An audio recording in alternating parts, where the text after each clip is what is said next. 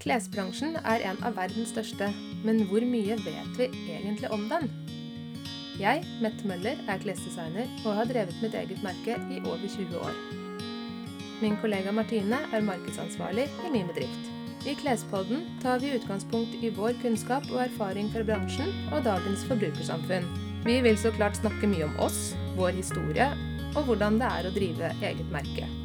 Men viktigst ønsker vi å øke bevisstheten rundt klær, slik at både du og jeg som forbrukere kan gjøre riktig valg for oss og for verden.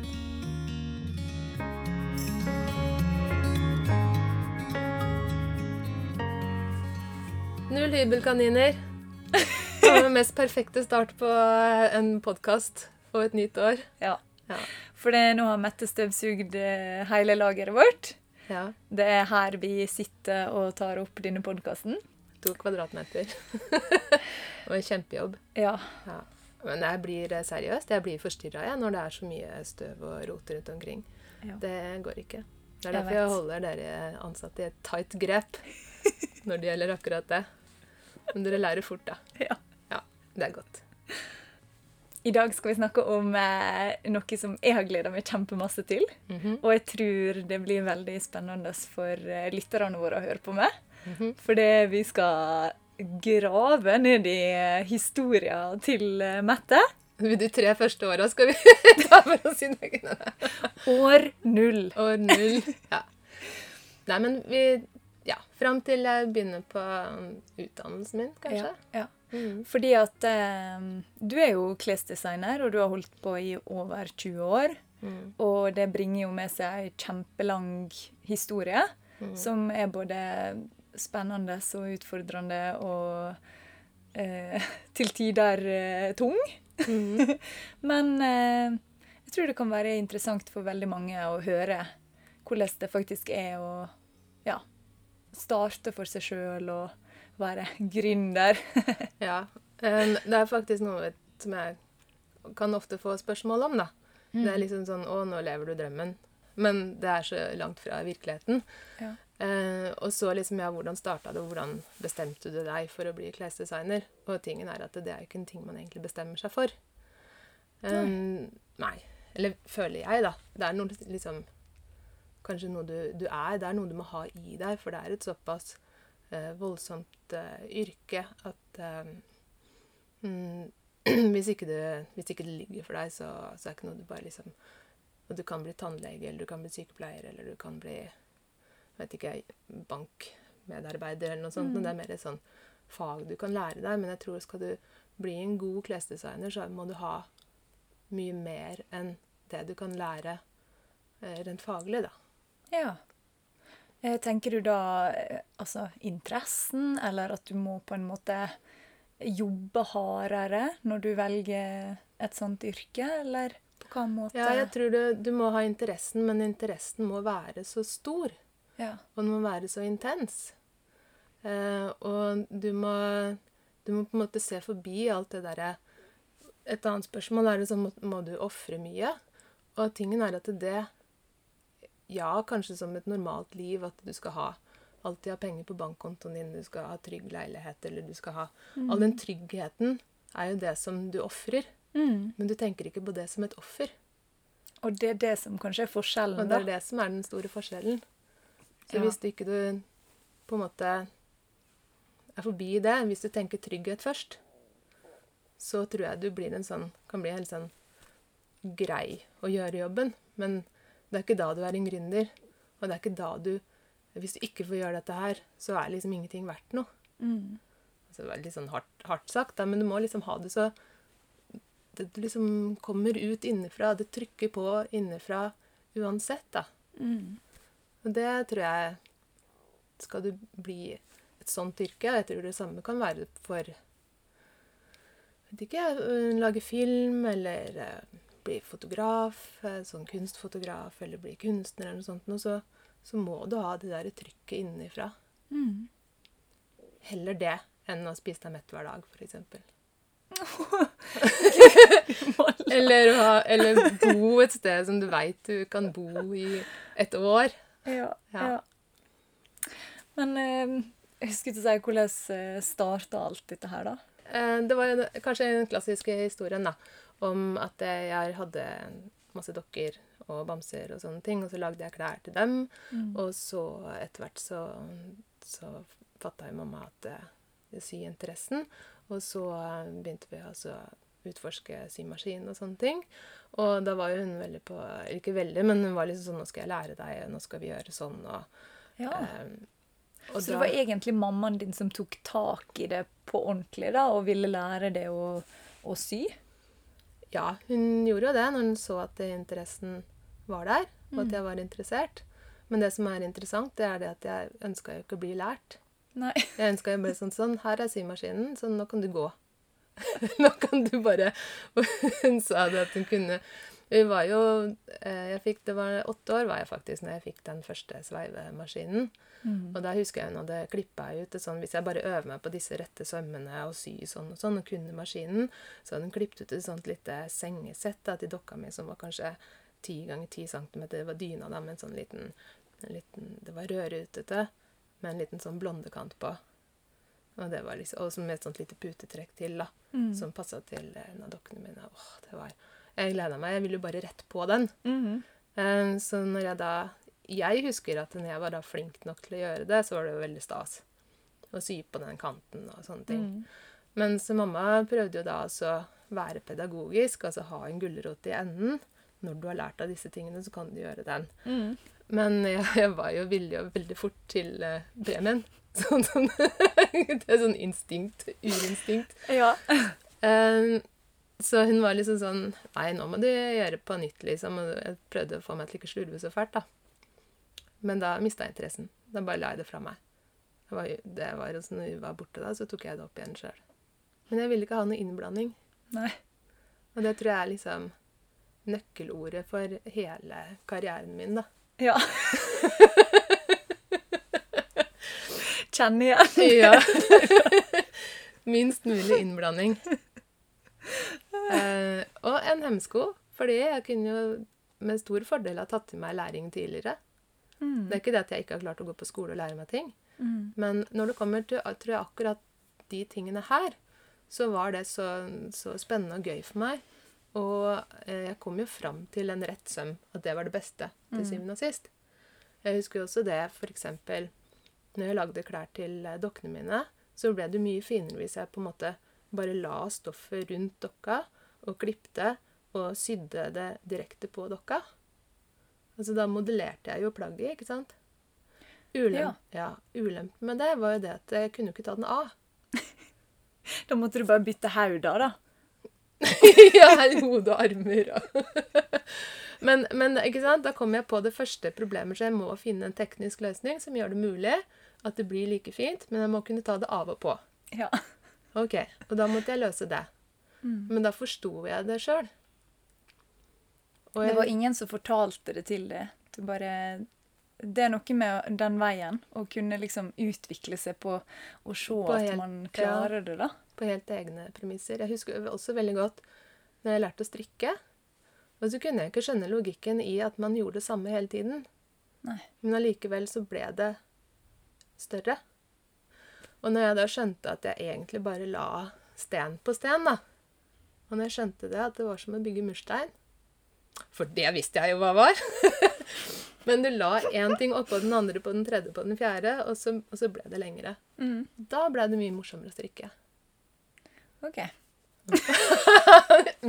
Det bare Ja. Jo, men eh, poenget er det at jeg måtte, jeg måtte finne logikken på egen hånd. Mm. Men der igjen så fant jeg også ut Husker jeg, da var jeg kanskje rundt ti år, og jeg lagde strikka en vest eh, i, i litt sånn pusete mohairgarn som var mørkeblått og litt sånn lys lilla. Mm. Og satt hjemme og kjeda meg, og jeg strikka strikka, strikka. Syntes det var helt forferdelig grusomt kjedelig. Men jeg kom ikke på noe annet å gjøre, sånn at jeg strikka likevel. da. Og hvis jeg da fortsatte over den kneika, som var helt, helt forferdelig kjedelig, så ble det litt gøy igjen. Så da, og det har jeg også tatt med meg videre. Når ting begynner å bli litt sånn da, OK, du begynner å være entusiastisk, strikke en genser. Du begynner nederst, og så kommer det kanskje sånn 10 cm opp. Mm. Og så veit du det, at du skal kanskje 30 cm til, for det begynner å skje noe. Og de 30 cm der, det er det som er den kjedsomhetsfasen. Mm. Og da når jeg var ti år, som var i 1980, så kunne vi jo ikke sitte og se på TV. Nei. Det var jo bare sånn trim foreldre og ingenting. Så det var liksom Nå har vi jo heldigvis det, da, som Ja. kan få oss gjennom den kjedelighetsfasen. Men det Det lærte meg en del, faktisk. Mm. Kan jeg se etterpå, da. Men sånn tidlig eh, Strikka du mest da, eller var det liksom Er dette her liksom parallelt med at du begynte å sy egne klær, eller var det mest redesign, eller hva du på en måte fokuserte på på den tida? Jeg tror, bare, tror jeg bare gjorde alt mulig jeg, jeg Ja. hadde lyst til.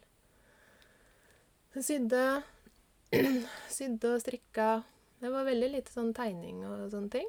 Mm. Jeg var ikke så opptatt av det. Det var det, det, det stoffligheter og drive med forskjellige stoffer og garner og sånt. Og det var liksom den, det taktile, da. Og så begynte jeg jo å lage klær til meg sjøl. Eh, mer sy om klær. Eh, når jeg blei mer eh, altså ungdom, da, så eh, var jeg med venninnene mine. Jeg hadde jo bestevenninna mi da, Brita. Mm. Var jo også veldig glad i eh, brukt klær og sånt nå. Og vi dro på et sted som hadde et fantastisk sted som vi kalte for Låven. Filleloven. Og det var et sted hvor du kunne kjøpe klær eh, til kilopris. og da får du jo innmari mye. Og det var jo en periode det var mye sånne 50-tallsklær, f.eks. Mm. Um, og i, på 80-tallet og sånn, vi var jo sånne bestefarstrøyer og sånne bestefars unne, sånne lange underbukser og sånne som gikk med. Dro langt opp i livet. Osj, Stramma til med beltet. Jeg husker farfar holdt på å ta sin død av det når jeg kom i det der 'Du går jo i en underbukse!' En gammel manns underbukse. ja. ja. det var kult. Men det vil jo si at jeg hadde jo tilgang på mye billige klær. Mm. Det var jo kjempebillig. Og da var jo Og det er mye lettere egentlig å ha et ferdig plagg som du justerer på, enn å på en måte begynne med et, et stort eh, Et blankt lerret Ja. og skulle forme alt sjøl. Så jeg lærte jo veldig mye om OK, da har jeg en genser, og jeg vil ikke at den skal se sånn ut. Kanskje den er for svær. Og da syr jeg den inn. Og så, kanskje jeg syr litt inn på skuldrene. Kanskje jeg åpner den og lager en jakke.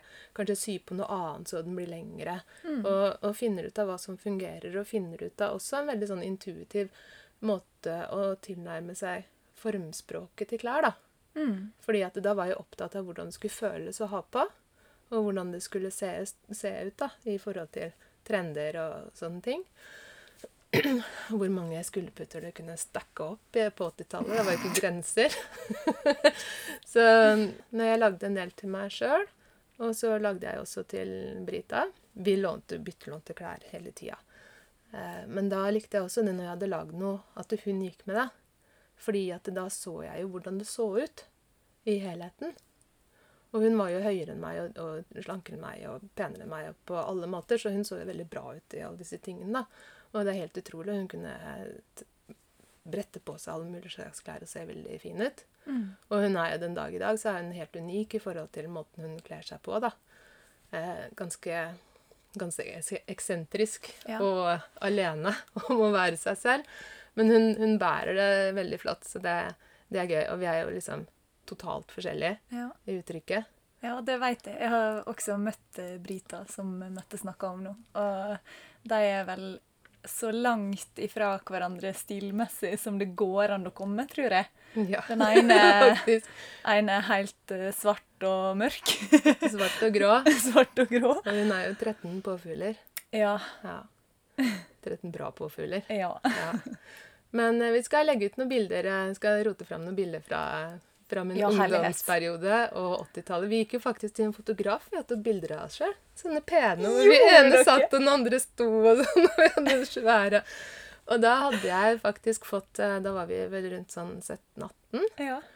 Og da var det en eh, stoffbutikk som skulle legge ned, og der hadde du metervis av svart og eh, mørk brun, eh, veldig fin sånn eh, sånt ullstoff. OK. Som jeg da lagde sånne skjørt og, og topper av. Og da var toppen var helt sånn trang og sånn korsettaktig. Og så var det verdens største puffarmer med ekstra rysjer på. Og skjørtet var jo sånn at det også sånn korsettaktig i livet, og så gikk det sånn spiss ned foran og bak. Det var jo veldig 80-talls. Ja. Og med det verste, største eh, rynkeskjørtet til, med ekstra rynkekappe nederst og sånn, da.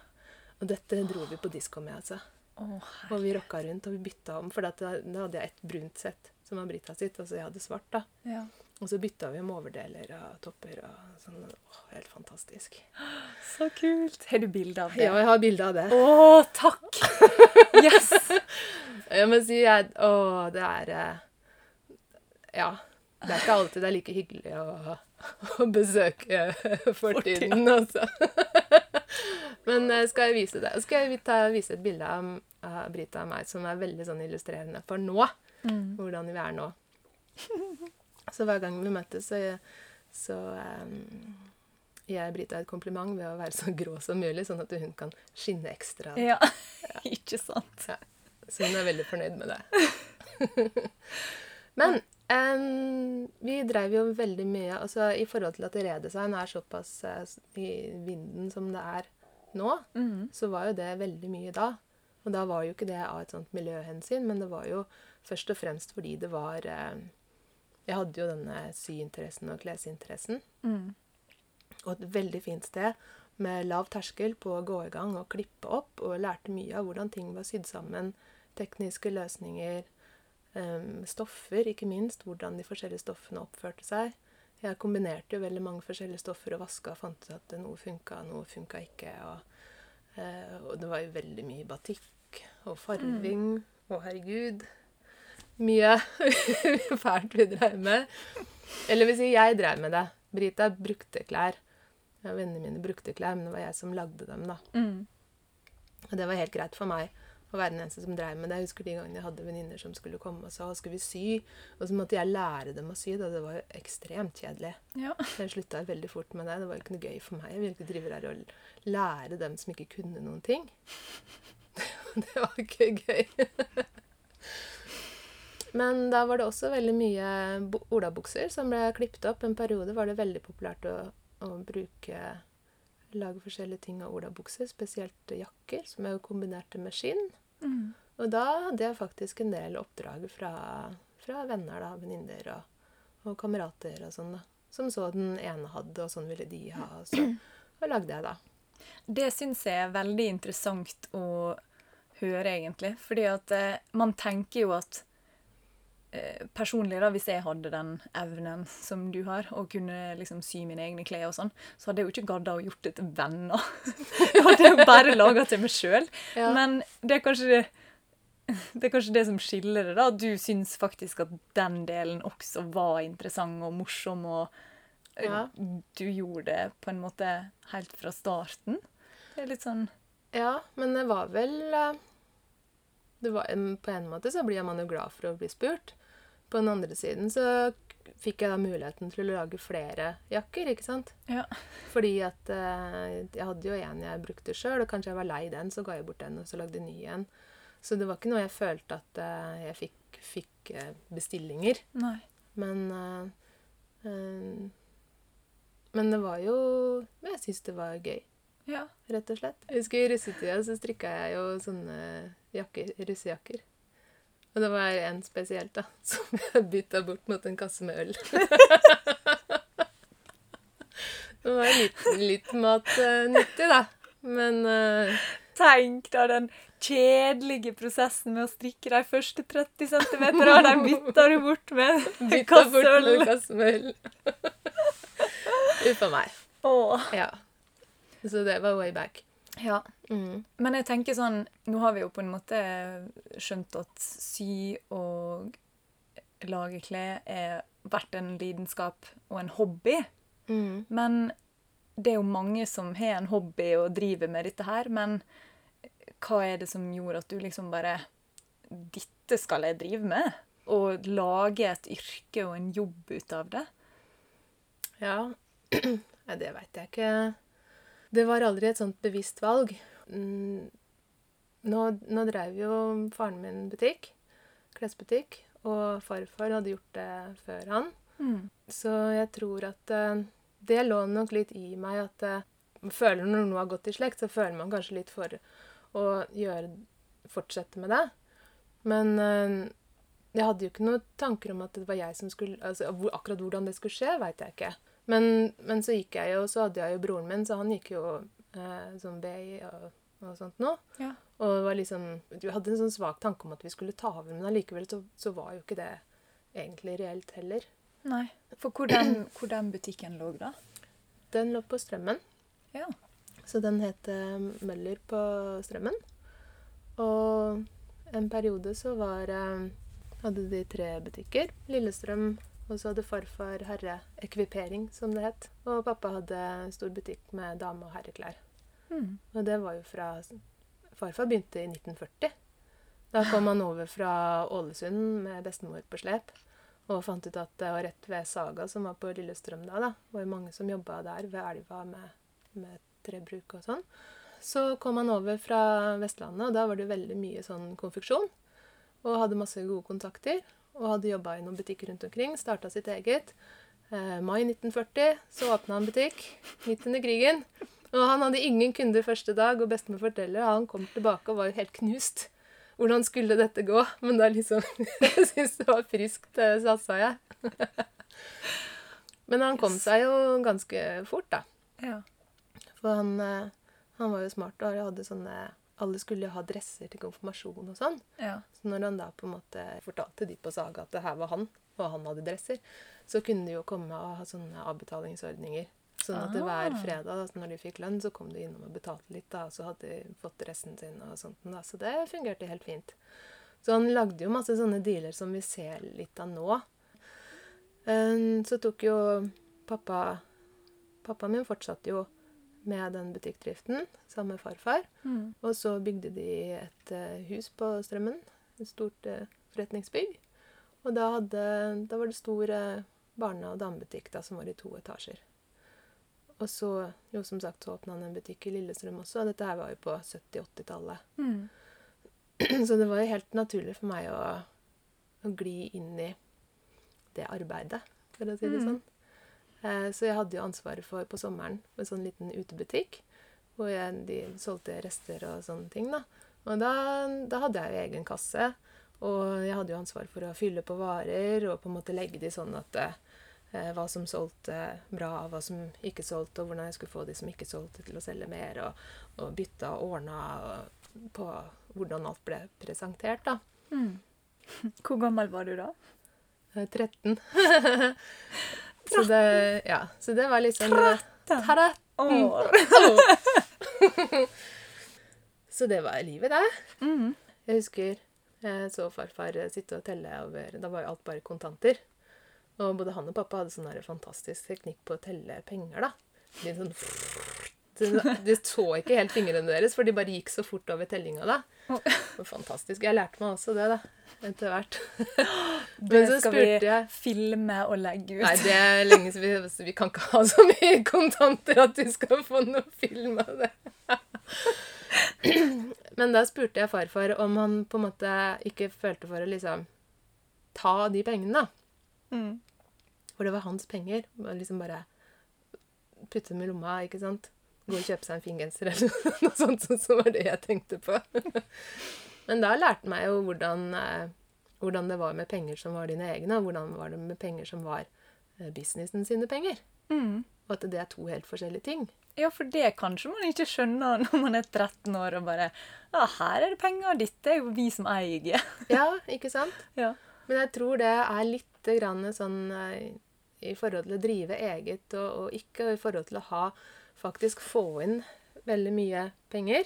Som du vet, har, alt har steder å gå. Mm. Og de pengene er ikke dine penger som du kan bruke til å dra på ferie med Mm. før de har vært gjennom en prosess. da. Mm. Så de er på en måte ikke penger før du har de ferdig skatta på kontoen din. Mm. Og det, det føler jeg også når, når man treffer på folk som ikke driver butikk eller har vært borti det, som mener at det, man å trene grovt eller håver inn på eh, at det er liksom eller, Og nå har de tatt ut så og så mye utbytte Mm. at det er liksom Jeg får inntrykk av at de tror at det er penger som går rett i lomma. Men det er jo ofte penger som allerede er et annet sted. Så det, så det lærte jeg ganske, ganske tidlig, akkurat de tingene der.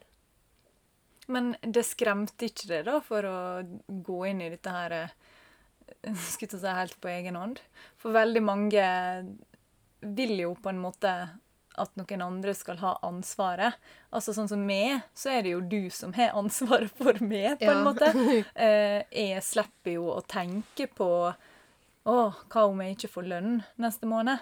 Mm. Men eh, du, du vil gjøre dette her på egen hånd, du. ikke får lønn neste Ah. måned. Ja. ja nei, nei, det skremte meg ikke, det. Ja, det. Det var veldig naturlig. Mm.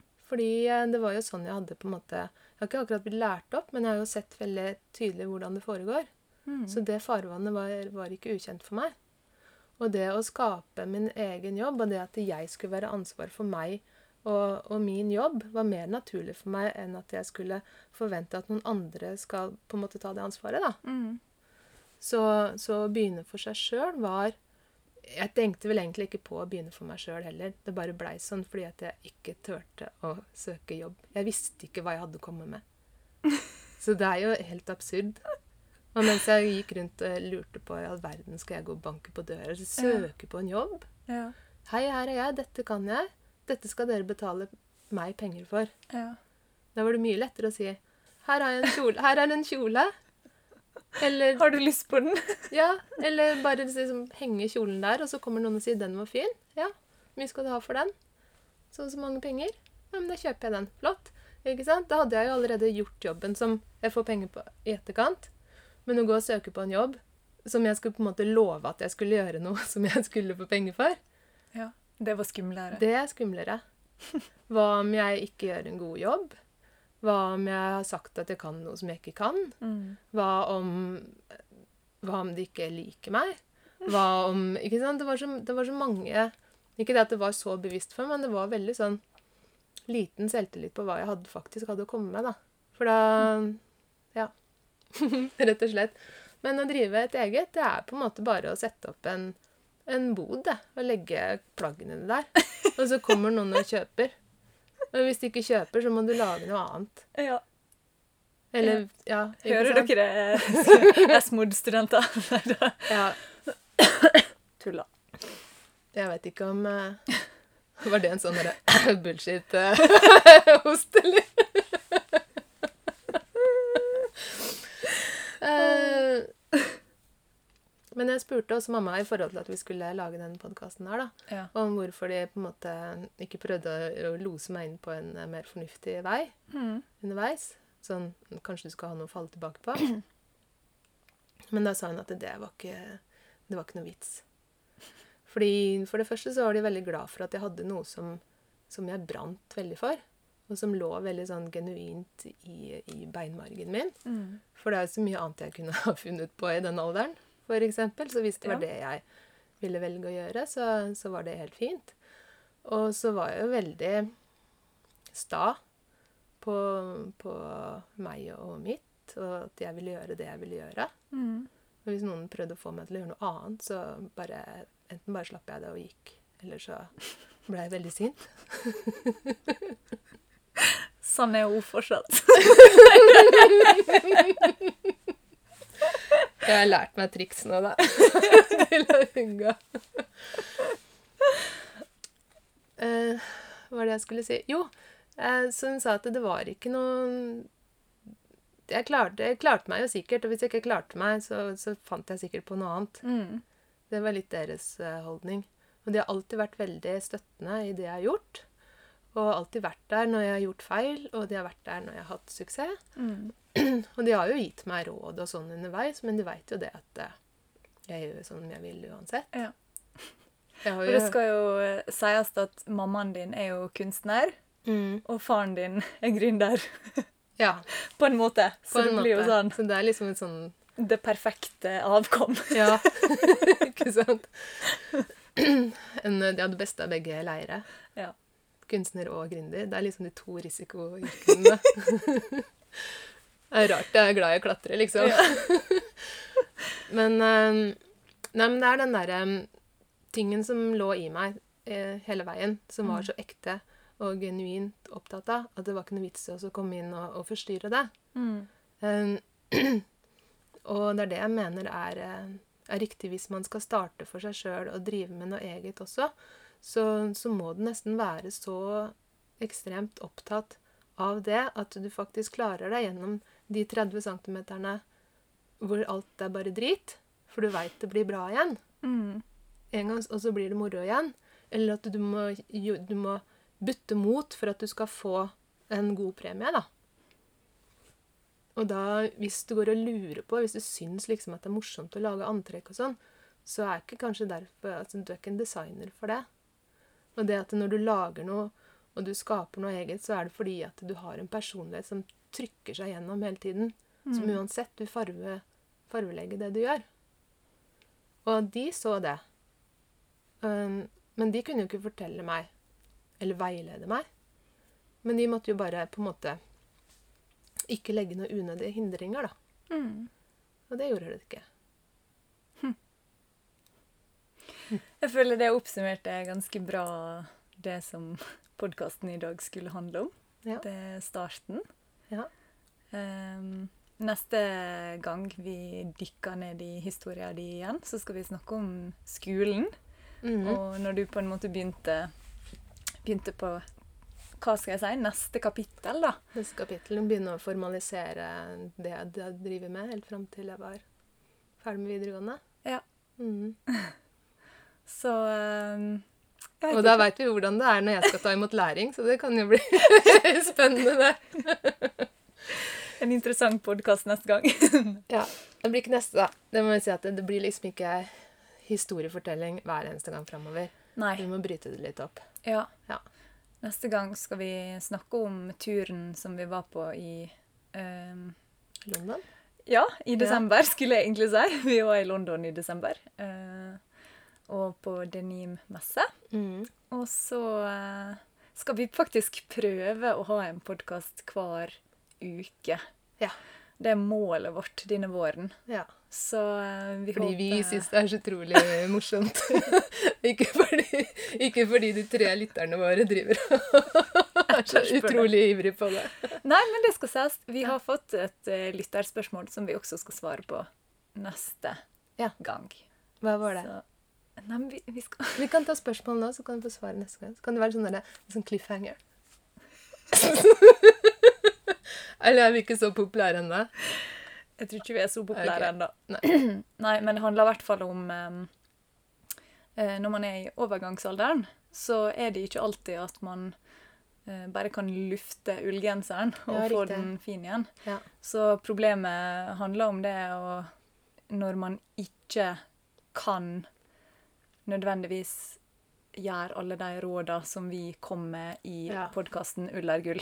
Sant det. Ja. Skal vi snakke om overgangsalderen, da? ja! Herlig. Next time! Next time. Det er mye som ikke lar seg fikse der. Åh, Ha det bra. ha det. Takk for at du hørte på. Har du en kommentar til dagens tema, har vi veldig lyst å høre den. Enten du er like opptatt av dette som oss, kanskje akkurat har begynt å sniffe på tematikken, eller om du mener vi tar helt feil. Vi har veldig lyst til å høre fra deg. Send oss en e-post på klespodden at mettemoller.no.